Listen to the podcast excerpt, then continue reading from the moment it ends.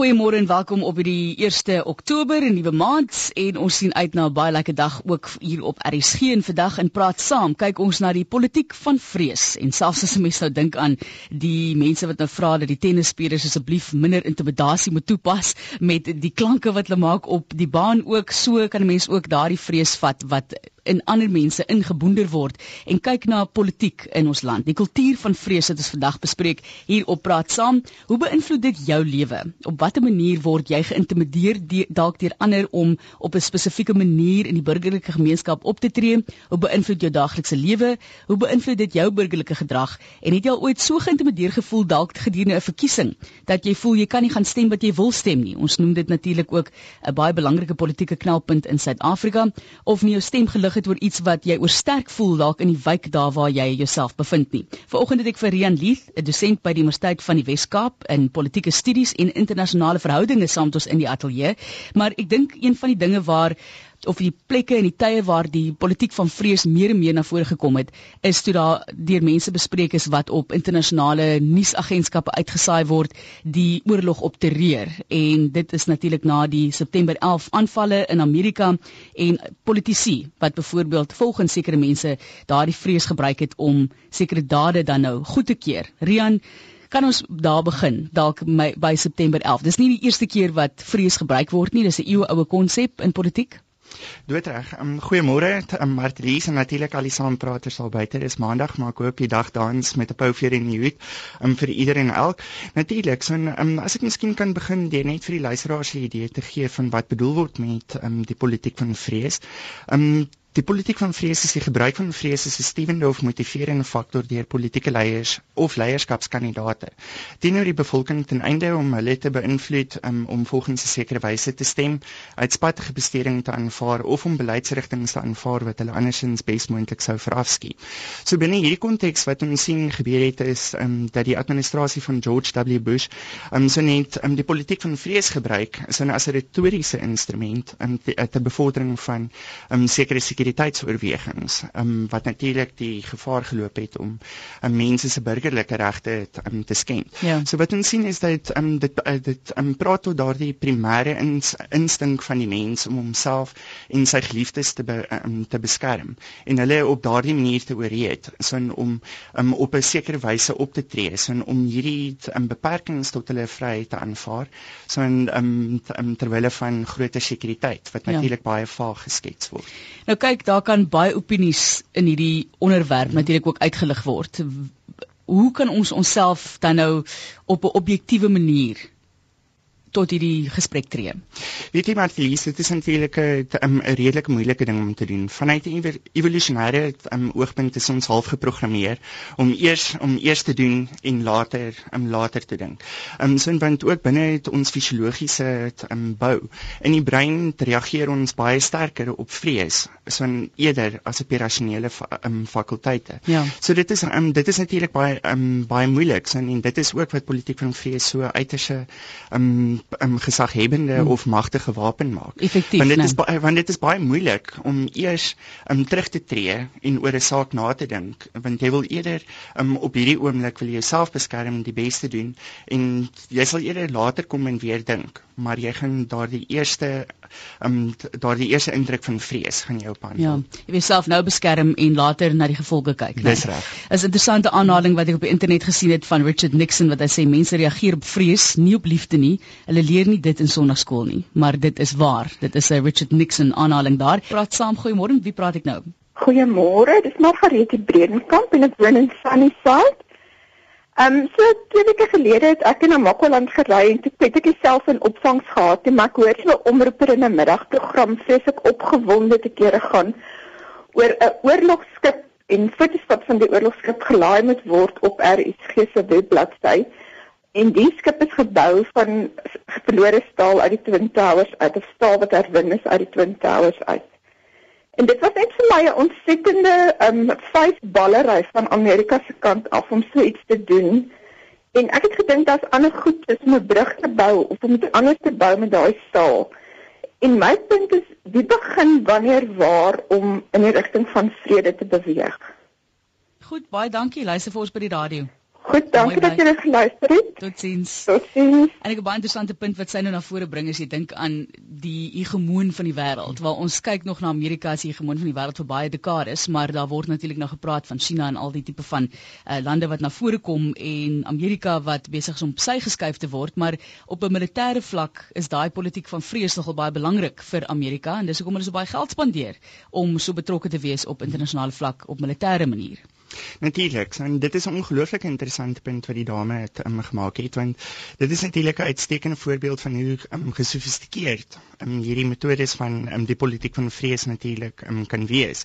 Um, want op daardie primêre wyse, die feit dat hierdie stal uit die Twin Towers um, gebruik is om oorlogskip um, te maak is natuurlik 'n um, 'n baie 'n magtige herinnering so aan wat daardie wat daardie dag gebeur het. En dit um, dit uh, dien natuurlik dan as 'n instrument om ook um, die soldate um, te herinner aan um, wat die stakes ja. van hierdie um, van hierdie spel is. Binne die internasionale um, um, arena op die op die oomblik sien ons natuurlik dat um, vrees is besig om van terrorisme af 'n um, mal weg te beweeg in 'n wetywering tussen Amerika en China. Mm -hmm. um, dit is 'n pri primêre manifestasie wat ons um, wat ons hier sien. Um, is dat um, die ou koue oorlog word nou op 'n ander manier um, voortgesit sodat aan beide kante word um, die ander kant um, sterk gewantrou. So Amerika is bekommerd oor um, China se ekonomiese mag ontwikkeling van China ook as 'n militêre mag um, en ook die invloed wat China um, reg oor die wêreld besig is om te ontwikkel. En natuurlik probeer hulle nou 'n teenvoeter daarvoor soek, um, byvoorbeeld met hierdie Pax um, Pacifica, 'n militêre strategie wat hulle besig is om te ontwikkel. En aan hulle kant um, um, verwys China natuurlik daaraan as um, hulle sê soos die Engelsman sê dit is 'n encirclement ja. taktik dat Amerika hulle probeer omring en um, inkamp. Kom ons kyk gou na hoe lyk die internasionale politieke bestel na September 11 en na daardie vrees wat in mense ingemoeder is en jy weet in in die politiek of die populêre kultuur is daar ook meer en meer is daar ook meer en meer gepraat daaroor. Hmm. Natuurlik, so 'n um, wat interessant is rondom die Koue Oorlog sin is dat um, die um, die konteks van vrees was baie uh, was baie meer gedefinieerd geweest. Want mense het um, duidelik gesien wat is die wat is die vyand. Dit was maklik om dit half neer te pen Amerika um, versus die Sowjetunie kapitalisme en demokrasie versus um, kommunisme. Maar in die poskoue oorlog um, bestel en veral natuurlik binne die konteks van um, die um, veldtog teen terreur of die oorlog teen terreur is hierdie is hierdie onderskeid nie meer um, so duidelik um, so duidelik nie. Een man se vryheidsvegter is 'n ander se terroris en ons sien baie van hierdie um, terroriste is half um, um, gesigloos. En um, die politieke leiers um, omskryf um, terrorisme ook in baie va baie va terme. So ja. hulle spreek eerder tot 'n va vrees in mense. Wat baie interessant is 'n paar jaar terug het hulle 'n studie gedoen wat hulle um, mense gevra het um, as hulle gaan vlieg om vers om versekerings um, uit te neem. En hulle is 'n keuse gegee. So in een groep is gevra of hulle meer geneig sou wees om versekerings uit te neem um, so en vir as iets verkeerd gaan as gevolg van 'n ongeluk ensovoorts. En 'n ander groep is gevra of hulle meer geneig sal wees om versekerings uit te neem maar um, as gevolg van um, die gevolge van terrorisme. En wat baie interessant is is dat die groep um, aan wie terrorisme genoem is was baie meer geneig om versekerings uit te neem hoewel die kans dat hulle in 'n terrorisme um, aanval of as gevolg van 'n terroristiese um, insident um, iets sou gebeur. Um, so en dit het net nie ja dit het net nie rasioneel sin gemaak nie op die SMS lyn baie terugvoer ook iemand wat sê ek dink dit was Churchill wat gesê het there's nothing to fear but fear itself. Pas dit toe in my lewe. Dit is Pietro van die Ooskaap wat so sê en iemand wat sê die gevaarlikste mense is die wat niks het om te verloor nie. Praat saam goeiemôre. Môre Matthys en jou gas daar. Interessante program is kon hier. Môre kon Ja, ek dink uh, ons sit in 'n situasie waar sekere politieke partye vandag beelde van vyandigheid skep uh veral met sekere wanpersepsies. Ek dink terug aan iemand wat ook gesê het dat liberale demokratiese politiek uh berus op verborgde vrese. Met ander woorde, ons vrees eintlik vir veiligheid en veral wanneer despote regeer. Uh ons uh, in hierdie land vrees ook natuurlik uh, transformasie, maar veral die banaliteit en boosheid wat feesvier in die land en en en wêreldwyd. Ek dink wat nodig is is 'n liberale uh uh 'n politieke omgewing waar die media en die burgerlike samelewing uh alle vrese besweer. Dit in kort my bydra. Ek luister vir julle. Mooi dag. Dankie Connie, mooi bly daar. Kyk, kom ons kom nou by die Suid-Afrikaanse politiek en ek mens wil amper sê daar's twee kante, maar ons weet daar's veel meer as dit. Maar aan die een kant het jy nog steeds mense wat uit 'n tyd kom waar apartheid aan die stuur van sake was en al alles wat hulle wil hê is om nie terug te gaan soontoe nie. En daardie vrees wat wat oorgedra word dalk aan die ander kant het jy nou weer die meer liberale siening waar die die vrees om wat in die land gebeur oorgedra word. So as 'n mens nou weer objektief bietjie daarna kan kyk, hoe sien jy dit? Wel natuurlik, um, die politiek van vrees is half eie aan die Suid-Afrikaanse politieke landskap. So want um, onder apartheid het dit natuurlik 'n uiterste groot rol gespeel. Ek is seker baie van die lesers uh, of baie van die luisteraars kan um, die um, swart gevaar of die rooi gevaar onthou. En dit is natuurlik 'n ander um, voorbeeld van hoe die politiek van vrees gebruik word om 'n sekere um, doelpunt um, so na te streef. Natuurlik um, um, na 1994 was die uitdaging um, was die uitdaging geweest om versoening onder mense um, te teweeg uh, teweeg te bring. En natuurlik dit wat mense verstaan nie vreesmens. So in, in onder apartheid is mense uitmekaar uitgehou. Um, so hulle is um, geleer om mekaar te vrees um, ensovoorts en um, die die uitdaging was om nou mense so ver te kry om mekaar te leer ken en op 'n basiese 'n menslike vlak um, sin mekaar um, so in um, nader aan mekaar te beweeg ensovoorts as natuurlik 'n beswering van um, van vrees. Maar wat ons sien is dat um, hierdie kultuurkonflik is nog nie is um, definitief nog nie opgelos nie. Ja. En ons sien veral die afgelope paar jaar dat dit al meer as 'n instrument gebruik word natuurlik om mag te behou. So en um, want natuurlik so en um, dit dit dien as 'n weerlige afleier van van die werklike um, vraagstukke wat uh, wat besig is om daar buite te ontwikkel. Um so in plaas daarvan om verantwoordelikheid te neem vir um, sekere beleidsoptredes ensovoorts, is dit baie makliker om natuurlik tot mense se tradisionele vrese um, te spreek. Byvoorbeeld um so in die um die blankes um, wil baie graag apartheid terugbring. So in of um, aan die kant van um so aan die kant van blankes, so in dat ons ons kan oorweldig word um so in deur die swart mas massas wat um, natuurlik binne die gelaaide taal van hulle is minder opgevoed ensovoorts. Um so hulle besef nie regtig um waaroor hierdie vraagstukke handel ensovoorts nie. So ons sien dat daar is 'n terugkeer tot hierdie gelaaide taal wat spreek tot hierdie tradisionele vrese van mense absoluut. Is ingeskakel op RSG die nommer in die ateljee 0892101004 en Rian Lief is 'n dosent by die Universiteit van die Wes-Kaap in politieke studies en internasionale verhoudinge. Iemand sê hierso as Walema nie vrees ken nie, hoekom hy dan so baie lui wagte. Dit is daar van Parys wat die boodskap deurgekom het en iemand sê ook ons goeie vriend Malema, hy sê haat, woede, bloed en moord gemik op die blanke sele in hierdie opinie. Hoekom val almal daarvoor? Hou op om hom te propageer. Dit kom van Marie. Praat saam, goeiemôre. Môre. Môre met wie praat ons? Len Ensenzo. Hallo Len, wat is jou punt oor die politiek van vrees volgend? Ek wil uh, praat oor rasionele uh, versus irrasionele vrees. Goed. Hoe onderskei jy tussen die twee? Wel, daar sekere ehm uh, bepaalde maatstawwe wat jy moet gebruik om te te besluit of iets eh uh, rasioneel is of irrasioneel. Uh soos byvoorbeeld eh uh, statistieke en gemiddeldes. Ehm uh, wat nie altyd die die eh uh, ideologie naboots nie. Op 'n praktiese vlak beteken dit net eenvoudig dat eh uh, veral die die gewone ding van wit mense is bang vir swart mense. Daar's daar is 'n rede daarvoor uh, swartes is 131 keer meer geneig tot 'n geweldsmisdaad teenoor 'n blanke as andersom. En dis 'n rasionele vrees. Dis nie irrasioneel nie. Dis ook nie rassisties nie. Dit gaan net eenvoudig oor selfbehoud en en pragmaties wees. Goed, baie dankie vir die inbel.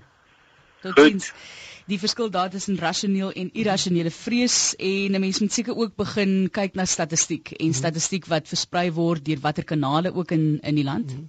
Natuurlik, maar dit um, die spreekwoord lui ook jy kry lies, damned lies and then you get st uh, statistics. So mense moet altyd 'n bietjie versigtig wees um, daarvoor ook. Natuurlik, 'n um, um, 'n klise is 'n klise omdat dit gewoonlik um, ten minste is 'n bietjie van waarheid um, sin um, neem. En natuurlik ons sien dat baie van hierdie is en ontstaan natuurlik as gevolg van wat as 'n rasionele persepsie um, beskou um, beskou sal word. Maar ongelukkig in die praktyk is dit baie maklik um, dat dit half kan snowball kan ontwikkel tot um, so 'n ontwikkel tot iets wat dit nie um, wat dit nie werklik um, wat dit nie werklik is nie. Um, byvoorbeeld in die voorbeeld wat Len vir ons genoem het, um, so 'n die onderskeid tussen wit en swart, so 'n dat sekere persone is meer geneig tot geweld um, ensovoorts. So 'n um, statistieke gaan teen teen een bewys. So 'n dat um, die meeste misdade in Suid-Afrika word deur swart mense um, gepleeg. Maar ons moet ook in gedagte hou dat die die demog eh, demografie in Suid-Afrika is so dat natuurlik um, swart mense is um, die meerderheid um, van die bevolking. So net soos wat hy gesê het 'n hele paar honderd keer. Um, so meer um, natuurlik. Maar ek dink as mense 'n bietjie verder gaan kyk dan um, kan mense ook vra maar wat is die uitwerking van byvoorbeeld um, so 'n ekonomiese ekonomiese posisie vlak van opvoeding um, en so ensovoorts. Want ek dink um, as mens dan in 'n in 'n breër perspektief gaan kyk, dan dink ek sal mense sien dat vanuit 'n um, baie bepaalde agtergrond um so 'n vlakke laer vlakke van opvoeding so 'n um kan baie makliker um verbind word met tipe van meer gewelds um misdade. Terwyl hoër vlakke van opvoeding sal ons sien dat die die vlak van misdaad raak baie keer natuurlik um so meer gesofistikeerd. En hierdie is 'n veralgemening ek weet maar dit is half die um die um spesifieke punt um so wat ek um, um wat ek daarmee probeer um wat ek daarmee probeer maak natuurlik ja. Mm. is ingeskakel op praat saam ons kyk na die politiek van vrees en ons kyk nou ook na die tyd wat vir ons voorlê. Dit is Mangaung wat voorlê en ons wonder ook Wat dink jy van hoe dit gebruik word in Suid-Afrika om mense 'n sekere manier te laat wil optree, 'n sekere manier van dink te wil hê in die toekoms ook? Ons weet daar is hierdie byvoorbeeld ek vroeër dan verwys het no-go zones. Jy weet dit dit het 'n direkte invloed op hoe mense byvoorbeeld gaan stem selfs. Dat 'n persoon nie voel hy of sy is reg of voel gemaklik of veilig om in hulle eie streek te gaan en te gaan stem op 'n spesifieke manier nie, want daar is dalk 'n vorm van intimidasie daar. Mm -hmm. En dit word in alle kulture ervaar in Suid-Afrika ook. So wat is jou siening daarvan en die manier hoe Suid-Afrikaners op 'n baie direkte politieke burgerlike manier en stem is jou een groot reg jou beïnvloed? Wel ons sien dat um, wat interessant is um, in die Suid-Afrikaanse um, konteks as dit kom by verkiesings is dat um, Suid-Afrikaners stem nie as gevolg van rasionele oorwegings nie. So emosies speel 'n baie sterker um, speel 'n baie sterker rol. Um so die um, loyaliteit teenoor 'n um, spesifieke politieke party as gevolg van historiese redes um, um as gevolg van persoonlike redes, byvoorbeeld verbintenis, um sin 'n um, persoonlike rol wat daardie persoon binne die party gespeel het um, ensovoorts. Um weeg nogal baie swaar. En dit is 'n baie ware opmerking wat jy maak Martelies natuurlik is dat en dit is nie um, beperk tot net 'n sekere groep nie. Ons sien byvoorbeeld um, in KwaZulu-Natal was daar histories groot um, konflik uh, tussen ondersteuners van die IFP en die ANC en natuurlik ook die um, die nuwe National Freedom Party, um, so 'n ondersteuners um, wat nog steeds 'n probleem is. Um, die DA en ander partye het byvoorbeeld geklaar dat hulle vind dit moeilik om um, binne uit um, die townships um, so 'n veldtog te, uh, te voer dat daar 'n um, groot mate van intimidasie is um, ensovoorts. So wat ons sien is dat um, hoe dit um, kiesers hierdie um, hierdie opset um, benader is dat in plaas daarvan dat hulle op 'n rasionele wyse 'n besluit neem vir watter politieke party hulle sal stem, is hulle geneig om eerder volgens emosie te stem. En as hulle nie heeltemal saamstem met waarheen hulle het gekose politieke party het um, op pad te sien, sien ons dat daardie ondersteuners eerder by die huis sal bly um, as om vir 'n oppositiepolitieke party te stem. Baie terugvoer op SMS lyn ook. Ek gaan nou 'n bietjie daarby uitkom 0892101004 as jy jou opinie wil lewer oor die politiek van vrees. Hoe affekteer dit jou in jou lewe? Het dit 'n direkte effek op hoe jy as 'n burger optree in hierdie land en spesifiek dan ook op 'n politieke manier? Iemand sê hierso South Africa used swart gevaar, USA, war on terror and the ANC white control and Malema. So so word um, hierdie sekere simbole en sekere maniere van dink dan ook gebruik om mense op 'n sekere manier te laat dink en ons gaan nou 'n bietjie kyk na daardie gevolge dan ook daarbey en uh, of dit werklik 'n uh, kan 'n mens amper sê praktiese kant en funksionele kant tot dit het. Iemand sê ook ek het altyd vir my kinders getel tot 3 en dan gestraf totdat my man gesê het ek leer hulle genade, stop by 3 en maak hulle groot op vrees. Dit het my geruk. Dankie vir daardie boodskap. Ek dink baie mense wat ook gesosialiseer word van 'n baie jong ouderdom met vrees. Mm -hmm. Nee, absoluut. Ehm um, so dit is wat 'n vrees so ongelooflik interessante um, interessante fenomeen um, te maak want natuurlik um, wat interessant is is dat studies bewys dat hoe meer gesofistikeerd um, vrees aan um, aan aangewend word hoe meer effektief is dit. Natuurlik hoe meer kry um, dit is jy weet kan dit baie maklik um, half backfire um, soos die Engelsman um, soos die Engelsman sê um, as ware. Maar um, dit is natuurlik dit dring deur tot die tot, die essensie van hierdie hele vraagstuk. Is natuurlik dat hoe gebruik ons vrees op 'n op 'n positiewe manier? En um, hoe gebruik ons dit op 'n op 'n negatiewe manier? Wel ek dink um, so in die saak staan so dat dit baie makliker sal wees om natuurlik um, die die aanwending van vrees op 'n negatiewe manier om um, so te, te identifiseer maar um, um, vanuit 'n positiewe oogpunt is dit miskien baie moeiliker um, baie moeiliker om so te doen. Ons sien ook um, natuurlik dat um, die impak wat vrees het, um, hang ook natuurlik af van hoe naby um, jy as persoon staan tot die um, tot die vraagstuk of um, tot die objek um, van vrees. Wat interessant is is natuurlik um, studies bewys oor en oor en oor dat um, um, klimaat uh, klimaatverwarming is 'n ongelooflike ontsettende groot probleem. So in oor 'n oor 'n paar dekades gaan almal van ons um, die gevolge dra. Maar nog steeds so is dit nie so effektief. Uh, um, dit is nie iets waarvoor mense so bang is as iets by uh, soos terrorisme byvoorbeeld nie. Wat baie interessant is want um, globale verwarming lê in die toekoms. Dit is iets wat nog redelik vaag is ensovoorts maar 'n direkte invloed natuurlik ook op mense kan hê. Dis ingeskakel hier op praat saam en ons gesels oor die politiek van vrees. Iemand sê ek stem volmondig saam met die dame wat ingebel het oor die oorlogskip wat van staal uit die Twin Towers gemaak is. My groot droom is dat al die politieke leiers wat 'n probleem met een of ander opponent het, saam met daardie opponent in 'n klankdigte opgesluit kamer opgesluit word. Daar kan hulle mekaar dan na hart hulle slaan, skop by daar trek, noem wat hulle wil. Ons gewone mense kan dan rustig gegaan met ons voortgaan met ons lewens. Dink net hoeveel lewens gespaar kan word as byvoorbeeld volgens die persoon nou George Bush en Osama Osama mekaar self kon uitsorteer. Gewoonlik is dit hulle wat in die gefortifiseerde kamer sit, soos Hitler in sy banker en ander mense se mans en seuns met mekaar moet doodmaak. Ek weet ek klink soos 'n blommekind, maar 'n mens kan droom. Praat saam, goeiemôre, met wie praat ek? Goeiemôre, is Willem wat praat. Dis Willem, jou punt oor die politiek van vrees. Ag, ehm um, my uh, uh, ek, ek wonder soms of die die apartheids idee te veel as die standaard gebruik word vir vir die hele argument. Ehm um, ek wonder of ons hier wêreldwyd nie net in Suid-Afrika uh die debat met konsensus op die waarheid dalk moet stimuleer nie en dat ons kyk na ons opvoeding van die kinders uh dat ons miskien hierdie dualistiese siening, hierdie uh, ek dink op die einde van die dag gaan dit maar alles oor kwalifikasie. Elke mens wat wil kwalifiseer.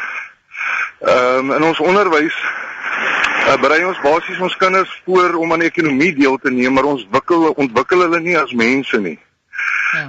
En ehm um, alle mense as ons kyk na verhoudings oor die algemeen, of dit nou polities en of dit nou uh in die familie is is dit waar die probleem lê almal voel hulle kwalifiseer nie. En ehm um, miskien ehm um, polit die, die politieke masjien die godsdienstmasjien en kulturele masjiene word dalk te veel gebruik om die mense te manipuleer in sekere rigtings waar ons nie as mense vrydenkend kan debatteer en so saam oplossings vind nie. Ek dink dit is waar ons grootste probleem wêreldwyd lê. Nou wil ek gou vinnig vir jou vra het nou gepraat van die waarheid. Uh hoe kwalifiseer jy die waarheid? Want daar is mense nou vroeër het ons gekyk na statistiek byvoorbeeld en dan word 'n opname gedoen onder 'n sekere groep van mense en dan word daar gesê die hele Suid-Afrika vol so. So mense moet maar baie pasop byvoorbeeld vir statistiek. Hoe maak jy seker dat dit wat jy lees, dit wat jy hoor wel die waarheid is en nie byvoorbeeld met sekere woorde dan nou opgedruis word en iets wat dit dalk nie heeltemal is nie. Die die oplossing lê in die debat. Die probleem is ehm um, ons sien op 'n daaglikse basis ehm um, ek kan 'n argument wen. Ons kan nou in debat intree en ek kan 'n argument wen, maar dit beteken nie dis die waarheid nie. Wanneer ons debatteer, as ons dit kan inbou in die wêreldkultuur in, dat wanneer ons debatteer moet daar konsensus wees dat die doel doelwit van die debat moet wees om saam by die waarheid so ver as moontlik uit te kom. En dis waar die wetenskap 'n rol begin speel selfs godsdienst en wetenskap is nie meer vyandig soos wat dit in die verlede gesien was nie. Met ander woorde met 'n wetenskaplike benadering kan ons dan oplossings vind. Goed, baie dankie vir die inbel. Ek waardeer dit. Lekker dag. Dankie, bye bye. Dit is 'n paar punte daarso van 'n luisteraar hier op praat saam oor die politiek van vrees en dat daar meer gedeb meer gedebatteer moet word. Is dit iets wat ons bietjie kort hier want die hele idee van vrees is ook dat jy te bang is om iets te sê, te bang is om te kan debatteer, te bang is om om 'n vuur te staan en met mekaar te praat oor sekere kwessies. Ek stem volmondig saam sin en ek is baie ek is baie dankbaar dat die luisteraar daardie punte gemaak het want dit is presies waar waarop dit neer uh, neerkom. Die beste teenvoeter vir die politiek van vrees is natuurlik moontlik om 'n um, oorbruggingsmeganisme um, te kry. Mens vrees dit wat jy nie verstaan nie. So en, en um, as jy iets nie verstaan nie, dan is dit baie maklik om jouself te verlaat op um, oppervlakkige of stereotypiese um, persepsies. So en, en dit is op die ou end wat spreek um, wat spreek tot vrees. Die beste teenvoeter da, uh, daarvoor natuurlik is om um, pogings aan te wend om te verstaan. En binne dit um, binne dit um, die feit dat daar verskillende kultuurgroepe is, um, verskillende um, ideologieë maniere van dink ensovoorts, dan is dit die oplossing om wel um, bymekaar te kom en te gesels oor hierdie um, oor hierdie dinge. En ek dink dit is waar um, Suid-Afrika sedert 1994 miskien die meeste um, gefaal het. Um, aanvanklik was daar hierdie idee van nasionale versoening, sin om mense uit werklik bymekaar bymekaar uit te bring. Maar wat ons ook sien sin is dit uit die afgelope paar jaar soos um, soos wat um, die regering um, nie daarin geslaag het om werklik die oorsprong van probleme aan te spreek nie, maar eerder begin fokus het op die simptome van um, probleme. Het ons gesien dat daar 'n terugkeer plaasgevind na die gebruik van vrees. So in um, in watter mate is en natuurlik so in dat um, om mag te bou, so in, om die ja. aandag af te trek van wat die werklike vraagstukke is en natuurlik dit te gebruik as 'n weerlige afleier. Um daarvoor is uh, weer begin om te fokus op hierdie polarisasie, die gebruik van die rassekaart um, ensovoorts. En dit hou ons Suid-Afrikaners uitmekaar. Praat saam, goeiemôre, met wie praat ek? Uh goeiemôre, Marcelies is Nazir. Ehm um, die die rol van van uh, die politiek van vrees is uh, iets wat nou baie jare aankom. Ek meen Amerika het 'n separate het 'n seksie wat net uh propaganda mee werk. Ek meen kyk soos nou met die laaste eleksie het ons nou die uh die videoband van Osama bin Laden gesien vrygestel. Hierdie jaar is dit nou dieselfde storie ons gaan nou weer een of ander probleem sien wat gebeur en dan so die rol die die punt wat ek wil maak is mense ge, die polit, die die politici gebruik vrees uh om in bewind te bly om aan bewind te kom om profit mee te maak en al die klas van goede so dit is uh, georganiseerd en die media speel 'n groot rol daarin. Goed, baie dankie Nazir. Waardeer dit. Totsiens. Interessant daar die media en ek dink soos ek vroeër ook genoem het internasionale media agentskap wat op televisie volgens baie mense in wat daaroor geskryf het gebruik is deur die hele opsweping van die regering om daardie terreur en vrees dan 'n boodskap oor te dra aan Amerikaners. Mm. Natuurlik kyk um, die mense is nou maar eenmaal 'n visuele wie, uh, wese. So um, hulle sê a picture is worth a thousand words. So en um, dit is natuurlik um, iets wat baie belangrik is om in ag te neem. So in, in 1968 met die Amerikaanse presidentsverkiesing uh, of in die 1960s met die Amerikaanse presidentsverkiesing, um, so was daar 'n baie um, beroemde en berugte um, politieke advertensie van um, Lyndon B Johnson van 'n uh, van 'n jong meisie wat besig is om my model liefie ja. um, se blaartjies af te trek en dan begin daar 'n aftelling plaasvind. En dan ewesklik kan um, zoom die kamera na haar oog in en dan is daar 'n atoombom wat ontplof en dan sien jy net hierdie hierdie sampioenwolk um, so en, en dan is dit net um, dan is dit catchline gewees. Um, so and these are the stakes. Vote for Johnson. En die implikasie was dat sy teenstander was sag op kern um, sin op kern um, aangeleenthede ja. natuurlik. So dit um, binne die media sien ons natuurlik um, hierdie beelde wat in die media gebruik word en ook um, die klem wat daar gelê word op um, kort en kragtige analise. Natuurlik is by uitstek um, so 'n um, um, gegeer om uh, beide 'n negatiewe of 'n positiewe uh, positiewe ding um, te gebruik. Dit is hoekom dit natuurlik so belangrik is in 'n demokratiese samelewing sodat daar 'n sterk onafhanklike media is wat nie deur die regering of deur um, spesifieke groeperinge beheer um, beheer word nie. Want tot 'n groot mate dien dit as 'n teenvoeter vir die gebruik van hierdie kragtige medium ja. om um, sy um, die bevolking te beïnvloed. Of dalk net beheer word nie, maar wat mhm. beïnvloed word dan. Jy weet nie altyd is dit direkte beheer nie, maar tog tog ook invloed. Mm -hmm. Paul en Rita skryf hierso, ons het teruggekom na 6 jaar in die buiteland en ons glo nog steeds dat daar 'n toekoms is vir ons en ons kinders in ons land. Moenie vir algemeen dat alle blankes apartheid wil terug hê nie. Almal weet dit was 'n fout geweest. Mm -hmm. Ons reken dat die grootste vrees is dat ons land in algemene algehele en anargie sal verval as gevolg van die regerende regerende party. Mm -hmm. uh, is ontkenning wat tans besig is wat gebeur. Wat ons grief is dat Malema verdeeldheid onder die jeug aanmoedig wanneer eenheid en wederwysige respek by die jeug gevestig moet word. Nou goed, vroeër dink ek was dit 'n uh, punt wat jy probeer maak het oor wat mense sal sien mm. as alle blankes voel mm. dat. Ehm um, ek weet nie of dink jy dit as 'n feit gestel dat blankes voel dat dit terugkom nie. Ek dink mm. dit was maar kom ons kyk gou vinnig na die stereotipering en die feit mm. dat daar baie kere in hierdie politiek van vrees 'n groep onder dieselfde boeg gegooi word en gesê word dit is hoe daardie groep voel, dit is hoe hulle gaan optree. Uh, ten spyte van die feit dat daar baie onder en subgroepe is in daardie groep en baie mense is wat verskillend voel. Mm Natuurlik, en dit is uh, dit is die groot um, wat ek probeer uitwys het is dat dit is juist die groot gevaar um, waarmee ons um, te maak het um, op die oomblik. Um, as 'n dosent, um, soos wat ek met my um, studente gesels en ons debatteer natuurlik baie van hierdie um, um, vraagstukke ensovoorts, is dit ongelooflik om om te sien um, hoe hulle beïnvloed word. Um, so tot 'n um, tot sekere mate baie van hulle, um, se ouers het natuurlik binne die die um, binne die struggle in beweeg ensovoorts en so hulle het 'n sterk bewussyn um, oor wat al hierdie dinge beteken het terwyl hulle nie noodwendig self daarin um, deel um, deelgeneem het nie. Maar in die townships um, sin is daar half en half 'n um, baie 'n um, baie magtige tipe van boodskap wat baie keer oorkom.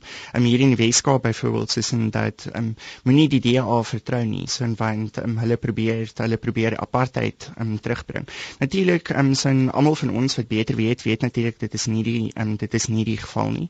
Ehm um, so en ehm um, selfs al sou dit ehm um, so dit is nie moontlik om apartheid terug te bring in die eerste plek nie. So ons grondwet ehm um, verhoed dit en dit is ook ehm um, volgens my baie duidelik dat die DA natuurlik ehm um, so ehm um, dieselfde tipe oogmerke het ehm um, deel in terme van nie rassigheid uh, uh, een Suid-Afrika so waar daar 'n beter lewe vir almal probeer ehm um, so behoort te wees. Maar natuurlik is dit baie maklik ehm um, so vir hierdie boodskap ehm um, vir hierdie boodskap om om verlore te, um, te raak. En ons sien dan dan, dan natuurlik in plaas daarvan dat daar 'n rasionele politieke debat um, oor hierdie um, vraagstukke plaasvind, um, so en is politieke leiers um, geneig om dan natuurlik weer terug te val op gelaaide taal. Ons dink hier byvoorbeeld in die hele um, so 'n vlugtelinge kwessie, so ja. waar um, so die premier Helen Zille verwys het na die Oos-Kaapenaars wat na die Wes-Kaap kom en na hulle verwys het as vlugtelinge. Die die, punt daar was nie dat hulle nie die reg het om na die Wes Weskaap te kom nie. Die punt wat sy probeer maak het was dat um, omstandighede in die Ooskaap het al tot so mate agteruit gegaan dat baie mense sal sal graag daar wil bly, maar hulle voel gen, um, gedwonge son om na 'n uh, ander gedeelte te um, te beweeg son waar hulle um, miskien beter geleenthede het um, sal hê. Maar natuurlik soos vir die um, soos vir die um, luisteraar uitgewys het, um, son ons ons het natuurlik ons les gelees en ek glo dat um, die meeste blankes in die land wil graag 'n konstruktiewe bydrae lewer om um, tot die vooruitgang en die groei en die toekoms van ons land. Dit is deel van ons, dit is in ons bloed, is in um, ensovoorts. Maar um, dit is ook nie lekker om dan elke nou en dan na die rassekaart te luister en dat um, sin um, politieke leiers byvoorbeeld blankes uitsonder as um, um, die rede vir um, sekere probleme nie. Johnny, goeiemôre. Môre. Jou punt vanoggend? Man, ehm um, jy weet uh, hier word baie gesê van debat en redenering en so aan. 'n Probleem wat ek gevind het is dat eh uh, die onderbou van die hele land is nie objektiviteit en wetenskaplikheid nie. Hoe redeneer jy met iemand ehm um, wat nie dieselfde objektiewe tyd en wetenskaplike basis het nie. Jy net vir jou ou. Wel ek ek moet sê ek het ek het al van alle kultuurgroepe 'n vorm van al gehoor. En Fred wat byvoorbeeld sê die misbruik van die ongeletterde stem in Suid-Afrika, uh die feit dat hulle gebruik word in Suid-Afrika om mense ook um vrees te laat ervaar en dan Johnny wat gesê het debat wat 'n groot probleem is van die mense wat jy mee wil debatteer, het al ek kan aflei dalk nie die opvoedkunde vlak wat jy het om met hulle te kan debatteer nie en weer eens is dit ook 'n probleem in Suid-Afrika. Wel eersins in um, Genie ja, ek kan nogal identifiseer met jou situasie. Ehm um, so ek was ook al verskeie kere ehm um, die die slagoffer van ehm um, geweldsmisdaad um, ensovoorts. En ek dink dit is natuurlik iets wat almal van ons ehm um, uh, almal van ons raak. So het ja, sterkte het um, sterkte vir jou. Ehm um, ten opsigte van die ander twee punte, um, dit is dit is waar. Ek dink dit 'n verskoning. Ek dink die groot probleem na 1994 is dat in Suid-Afrika het ons nie regtig geïnvesteer um, in opvoeding nie. Opvoeding is natuurlik um, die um, die belangrikste die belangrikste faktor in in hierdie hele in hierdie hele konteks. Want natuurlik gaan dit nie net oor um, opvoeding in terme van um, so 'n ekonomiese opleiding sodat jy eendag jou plek in die ekonomiese mark kan volstaan nie. Dit gaan ook nie net as 'n afronding as as persoon nie, maar dit gaan ook natuurlik om hierdie waardes, hierdie demokratiese demokratiese waardes um, wat in ons um, grondwet vervat is om tuis te bring aan die mense. 'n Grondwet is nie noodwendig enig enigsins iets werd as dit nie ook letterlik op die harte van die mense um, van die mense geskryf is nie. Maar wat sien ons um, sedert 1994 is opvoeding miskien die grootste mislukking. Um, so in, um, van al die vraagstukke um, in Suid-Afrika daar was al 4 keer 'n nasionale kurrikulumverandering um, verandering gewees en ons sien dit al meer um, beweeg die klem weg van kwaliteit opvoeding wat ons natuurlik met die positiewe aspekte van um, opvoeding sal um, um, sal assosieer na meer kwantiteit opvoeding. So ons sien dit um, opvoeding word amper soos 'n worsmasjien. Skole word soos 'n worsmasjien. Um, so waar die studente deurgejaag word en dan kom hulle op universiteit en um, hulle kort basiese vaardighede soos byvoorbeeld lees, skryf om nie eers van die meer gevorderde dinge soos abstrakte denke um, sin te um, te praat nie. So natuurlik, um, dit is die dit is die gegewe. En dit lê natuurlik ons vermoë so om 'n rasionele, sinvolle debat met mekaar te voer, um, so 'n um, duidelik aan bande. Ja. Maar wat ons sien is natuurlik um, dit gaan nie net noodwendig oor um, oor opvoeding nie. So ons sien wat in Amerika aan die gang is. So met die Tea Party movement, um, byvoorbeeld sien ons dat um, baie van die mense wat ondersteuners is van die tea, van die Tea Party, so is hoogs opgevoede mense. Maar wat hulle tog die grootste klomp nonsens um, sal kwytraak, um, byvoorbeeld. Waar hulle van beter waar hulle van beter behoort um, te weet. As jy aan hulle feit noem, sal hulle vir jou sê dit is nie 'n feit nie, dit is jou opinie en ek respekteer jou daarvoor voor maar so en dit is hoe ek dit is hoe ek dit sien. Dit is amper soos jy kan vir hulle sê die aarde is rond en hulle gaan vir jou sê nee die aarde is plat. Baie interessant Rian Leith wat so gesels dosent by die Universiteit van die Wes-Kaap in politieke studies en internasionale verhoudinge.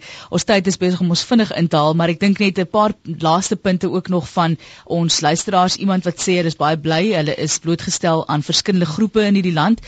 Kan enige plek gaan en dat hulle gemaklik daar sal voel en dat hulle gemaklik is met alle groepe in Suid-Afrika. Ons gaan môre 'n bietjie gesels ook oor hierdie tipe van onderwerp en die verskillende groepe binne in ons land en wat sogenaamde normaliteit is en om 'n Suid-Afrikaanse normaliteit te vind. Jy weet elke land het mos 'n jy weet ons in was die reënboognasie nou vir baie jare gewees. Baie mense wat nie meer glo in daai reënboognasie nie en dit ons wonder hoe gaan ons weer 'n uh, Suid-Afrikaanse kultuur daar vestig soos dit daar 'n Franse kultuur is en 'n Engelse kultuur is. Net laastens van jou kant af Suid-Afrikaanse politiek, die verkiesings wat voorlê, ek dink dit is net laastens daardie politiek van vrees fokus daarop en mm -hmm. baie mense wat sê hou 'n sekere meneer Malema uit die media uithou op om vir hom ligtheid te gee. Die die die feit van die saak is hy is daar. Hy gaan nie weggaan nie. Hy is besig om 'n invloed te hê op jong mense op grondvlak in hierdie land en 'n mens kan dit nie ignoreer nie. So 'n mens moet dit op 'n manier ook aanspreek en jy sê jy wil net ook laastens 'n punt ook daaroor maak. Ja, so en um, dit is iets wat nie geïgnoreer um, kan word nie. So al party al veel mense partykeer dat jy dit eerder heeltemal wil um, sal um, vermy. Maar dit moet absoluut gesien word as um, as 'n waarskuwing. Um, so op 'n baie primêre vlak byvoorbeeld um, die regeringswoordvoerder Jackson Tembu so en wat op 'n klassieke wyse um, nou die dag um, kwyt geraak het dat um, sin God behoede Suid-Afrika as Malema um, president word. So 'n klassieke voorbeeld van hoe um, vrees um, vrees gebruik kan word. Die realiteit daar buite is um, sin dat daar is 'n groot mate van dissatisfaksie son onder baie Suid-Afrikaners en dit is as gevolg van 'n algemene gevoel van magteloosheid sin dat ons politieke leiers um, word nie regtig toerekeningsvatbaar um, um gehou nie. So dat daar is hierdie persepsie dat baie van die leiers um, son hulle posisie gebruik om hulle self te verryk en dat hulle vergeet van um, van die mense um, um, daar buite. Ons sien dat oor die afgelope 18 jaar natuurlik in plaas daarvan dat daar werklike stappe geneem is om um, sin om 'n beter lewe vir almal te skep sien ons dat um, tot 'n groot mate is daar meer um, um staat gemaak op 'n laissez-faire approach um so 'n um laat God se water oor God se akker um God se akker loop. Maar um ons ons almal kan natuurlik dink um wat die gevolge hiervan sal wees as ons uh, dit toelaat om um leierskaps um um um, wetywering waar um, vrees al hoe meer gebruik word um, as 'n instrument um, so om posisie binne 'n sekere party of binne 'n sekere konteks um, te verstewig.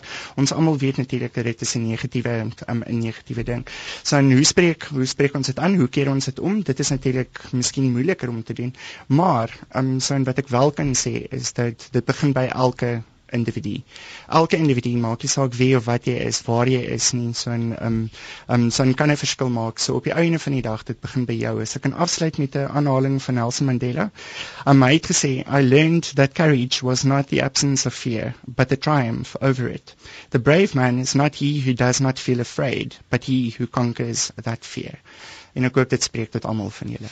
Rianlief baie baie dankie vir jou tyd vandag hier op Praat Saam. Môreoggend weer terug, dan kyk ons na die Suid-Afrikaanse identiteit. Watter kultuur het ons hier en ek het 'n antropoloog saam met my in die ateljee want ek wil hoor hoe daardie antropologie dit sien ook in Suid-Afrika en hoe ons ontwikkel as land.